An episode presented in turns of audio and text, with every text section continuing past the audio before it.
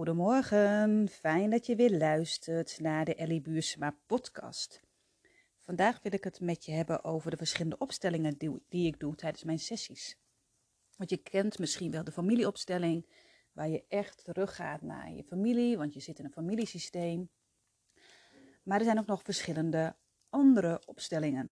En ik had laatst een intake en die vroeg aan mij, Ellie, zijn er ook nog andere opstellingen? Want ik wil heel graag bij jou zijn. Ik, wil, ik voel dat ik bij jou moet zijn.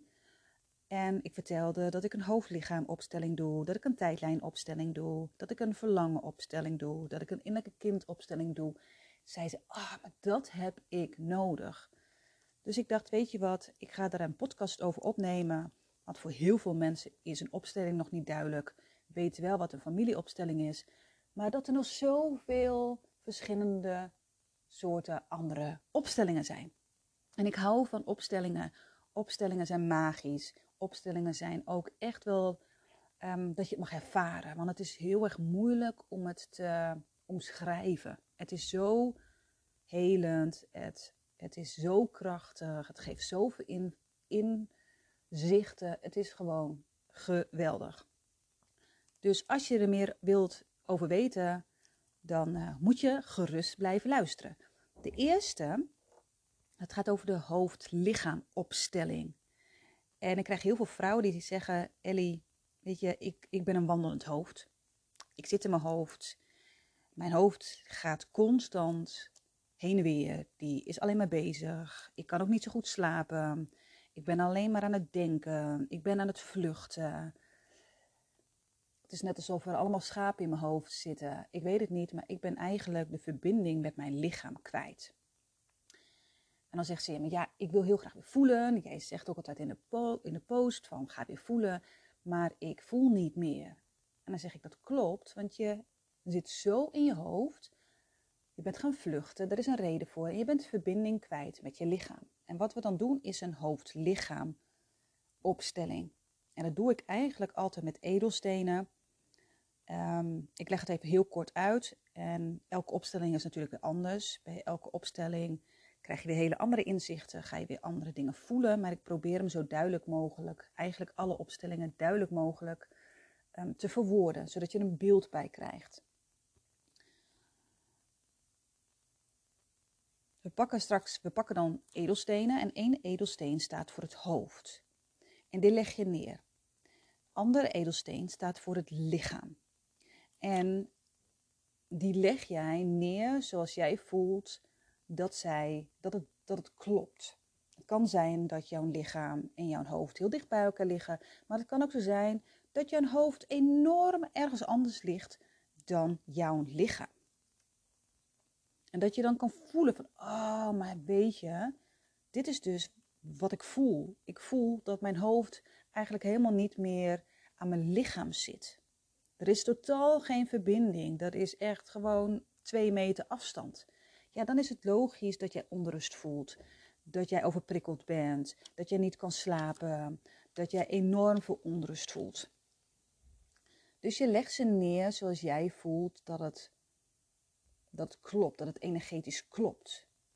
En wat we dan gaan doen, is je maakt contact met je hoofd.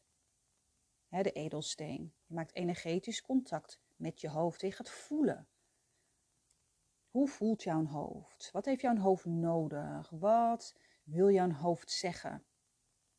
Waar verlangt jouw hoofd naar? En dan doe je precies hetzelfde bij je lichaam. En daardoor krijg je zulke mooie inzichten. En het kan nog zo zijn dat er nog een andere edelsteen of misschien nog meerdere edelstenen bij komen. Dat ga je wel voelen. Dat er misschien nog een blokkade bij zit of iets anders. Het is zo mooi dat jij gaat voelen en gaat zien: oké, dit is de reden waarom ik geen verbinding meer heb met mijn lichaam. Dat ik in mijn hoofd zit. Het kan zijn dat er een overlevingsmechanisme nog zit. Er zit er nog een trauma. En wat het heel mooi is, is dat je vanuit het oogpunt van je hoofd ook kan kijken naar je lichaam en andersom.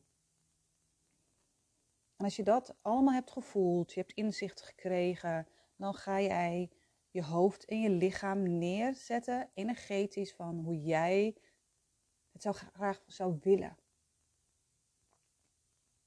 Dus dat is gewoon enorm mooi aan een hoofd-lichaam opstelling. En dat dus in het kort. De tweede is een tijdlijnopstelling. En een tijdlijnopstelling is eigenlijk een opstelling ehm, waar je eigenlijk de gebeurtenissen in je leven, die zet je op een rij.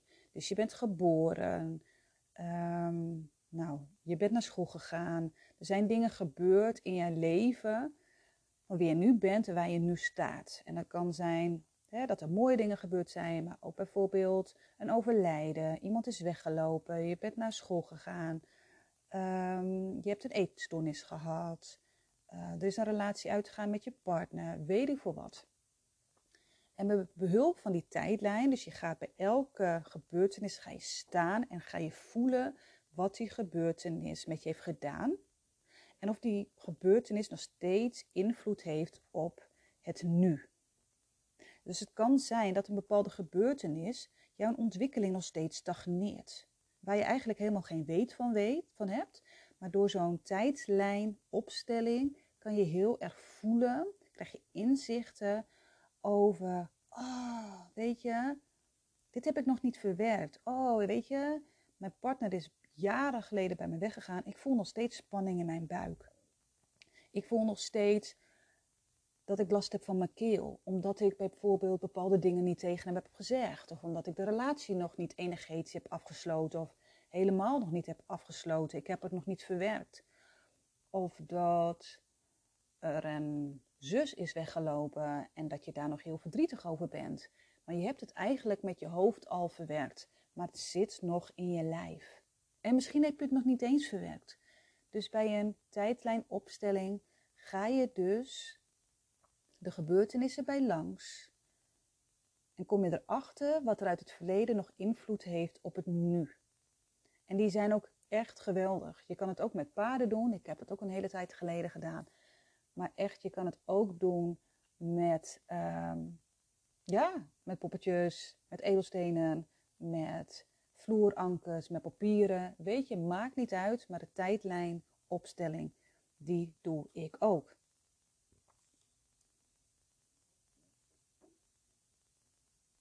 Dan komt er een opstellen, opstelling van verlangen. En 9 juli kan je nog opgeven voor de opstelling van verlangen.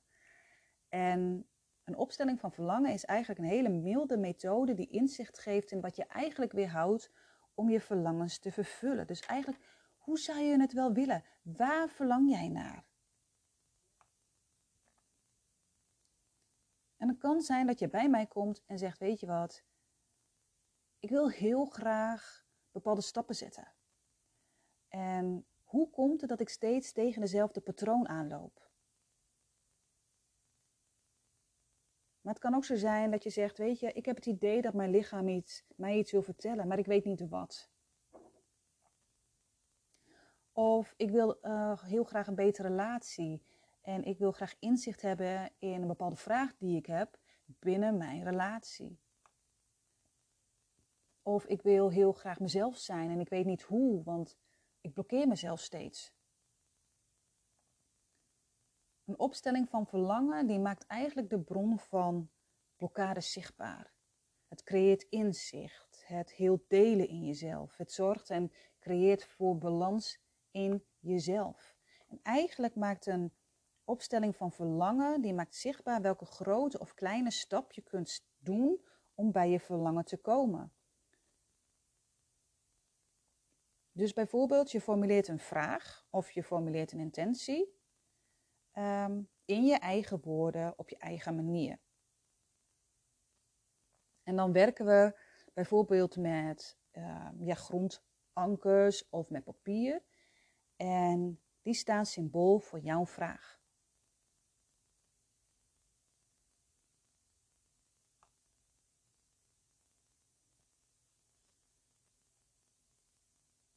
En dan komt er naar boven, hoe komt het dat jij nog niet, dat je nog geen antwoord daarop hebt. Jij verlangt ergens naar. Zit er nog ergens een blokkade? Welke stappen mag jij nog doen? Wat zit er nog tussen? Het is zo mooi om daarmee aan de slag te gaan. Je kan een vraag ehm, formuleren, maar je kan ook bijvoorbeeld bij de opstelling van verlangen, kan jij woorden doen. Dus bijvoorbeeld, ik wil mezelf zijn, dat je dan op papier ik, mezelf en zijn. Dat je drie woorden neerzet. En dat je daar dus op gaat staan. En dat je gaat voelen, wat doet het met jou als je op het woord ik staat? Wat doet het met jou als je op, je, op mezelf staat? Wat doet het met je als je op het woord zijn staat? En dan denk je misschien als je deze podcast luistert, ja echt Ellie, wat helpt dat? Het geeft je zoveel inzichten, het geeft je zoveel, ja, hoe zeg dat? Je gaat zoveel voelen. Zoveel voelen. Je kan zoveel voelen bij het woord ik. Dan kan je niet voor mogelijk houden dat je voelt van ik mag niet zijn. Of dat je uit je hoofd schiet. Dat je dissocieert bij het woord ik. Weet je? Echt een opstelling van verlangen is zo mooi, zo krachtig. Echt waar. Dat is dus je opstelling van verlangen. En als laatste de innerlijke kindopstelling. Want voor en tijdens en na de geboorte krijg je al heel veel onbewust mee. En eigenlijk spelen deze situaties, dat zijn mooie situaties, minder mooie situaties, die spelen onzichtbaar door in jouw leven.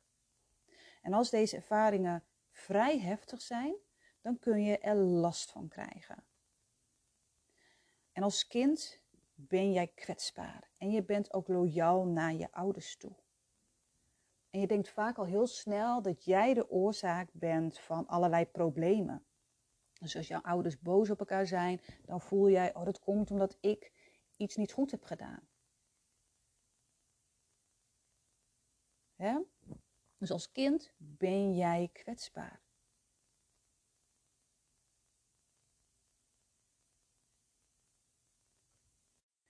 En je hebt te maken met je gezonde deel. Hè, dat is je magische kind.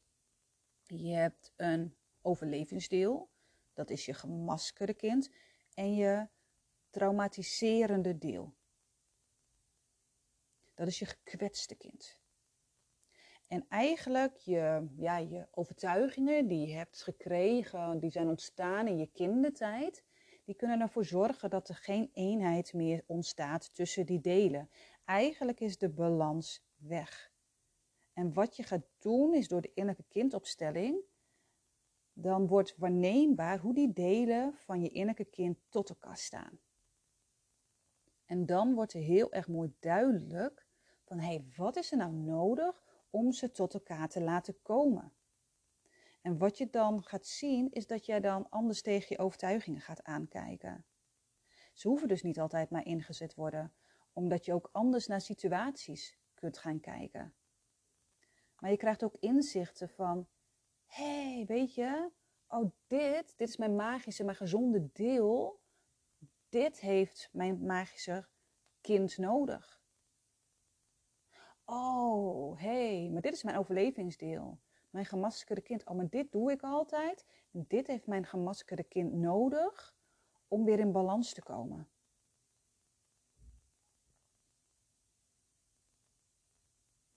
Dus via een innerlijke kindopstelling kun je weer een eenheid in jezelf creëren.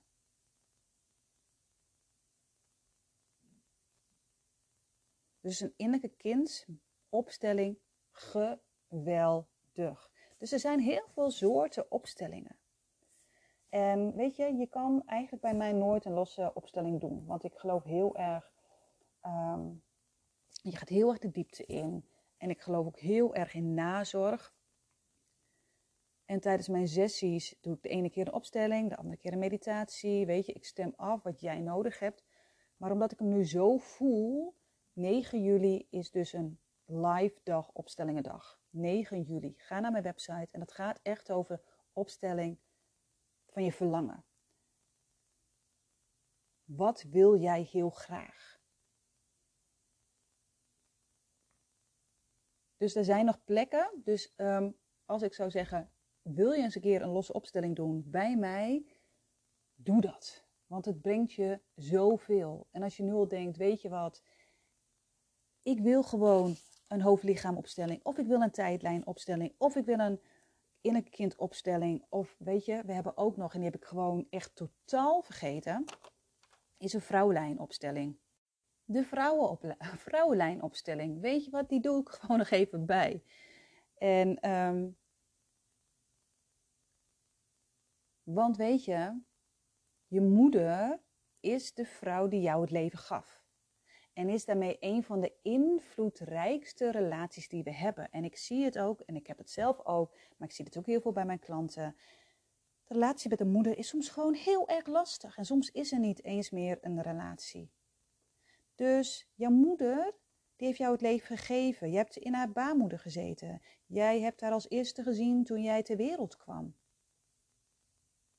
Ditzelfde geldt natuurlijk ook voor de relaties die jouw moeder met haar moeder had. En ook weer voor die van jouw oma met haar moeder. En wat je gaat doen in een vrouwenlijnopstelling, ga je in, eigenlijk in samenwerking met de zeven andere vrouwen. Hè, dat gaat over jezelf, je moeder, eh, je oma, uh, je grootmoeder, overgrootmoeder en de bedovergrootmoeder. In samenwerking met deze zeven vrouwen en jouw persoonlijke thema ga je mee aan de slag. En in deze krachtige opstelling krijg jij inzicht op de patronen die ontstaan zijn in jouw vrouwenlijn. Het gaat heel erg over je eigen plek innemen. Dus door jouw plek als dochter in te nemen, krijg je eigenlijk inzichten en ervaar je rust en kracht om je eigen pad te gaan volgen. Soms heb je dat er een bepaald thema um, bij verschillende vrouwen aanwezig zijn. En dat kan zijn misbruik, dat kan zijn geweld, dat kan zijn, nou, gebrek aan eigenwaarde. En het kan zijn dat jij bijvoorbeeld bepaald verdriet hebt overgenomen. Dat je daardoor niet op jouw plek komt te staan. Omdat je eigenlijk al jaren niet op je plek staat. En door eigenlijk weer ja, contact te maken qua energie met al die vrouwen voor jou, kan jij emoties voelen, kan je emoties weer teruggeven en krijg je inzichten en kan je dingen loslaten. Dus echt de vrouwenlijnopstelling, ik vind het echt een van de mooiste dingen. Ik ben eigenlijk fan van eigenlijk al die opstellingen. Um, het stom dat ik die gewoon vergeten ben, maar dat maakt niet uit. Ik kom er net nog achter. Maar echt, weet je, ik hou van opstellingen. Ik ben echt gek van opstellingen. En ja, als je nou denkt, weet je wat, ik wil dat ook, laat het gewoon weten. En laatst hoorde ik van iemand die zei, oh weet je, jouw opstellingen zijn zo krachtig. Ze zijn zo krachtig, ze zijn zo helend. Er gebeurt van alles. Je kan het met je hoofd niet bedenken. Ik heb het eigenlijk ook altijd nog wel. Dat ik denk, wow, wat gebeurt hier? Maar echt, echt, echt. Ik, uh, ik ben een fan van. En het brengt je zo ver. En eigenlijk één opstelling is eigenlijk vijf sessies bij een, bij een therapeut. Echt waar. Want je werkt met de onderstroom. En 95% van je handelen is gewoon onbewust. Dus heel veel dingen weet jij niet. Dus dan kan je nog wel heel erg lang gaan praten. Maar hoe kan je dingen op gaan lossen van de dingen die je niet weet? En ik moet ook zeggen dat ik bij mijn klanten dat zie, maar ook bij mezelf, is dat ik niet zo ver was gekomen door systemisch werk te doen. Want ik denk dat 90% van de dingen, nou ja, eigenlijk 95%, maar heel veel dingen, daar had ik helemaal geen weet van. En die zijn naar boven gekomen door visualisaties, door innerlijke kindwerk, door opstellingen. Echt, echt, echt waar. Want als je iets niet weet, kan je het ook niet oplossen. Dus um, deze podcast ging dus over de verschillende opstellingen. Um, ben je enthousiast? Laat me gewoon weten. Wil je er nog meer over weten? Laat me het ook gewoon weten. Heb je vragen? Laat me dat ook gewoon weten. Nou, dankjewel, lief vrouw. Ik uh, hoor je vanzelf. Ik zie je vanzelf. En ik wens je een hele fijne dag. Doei doei!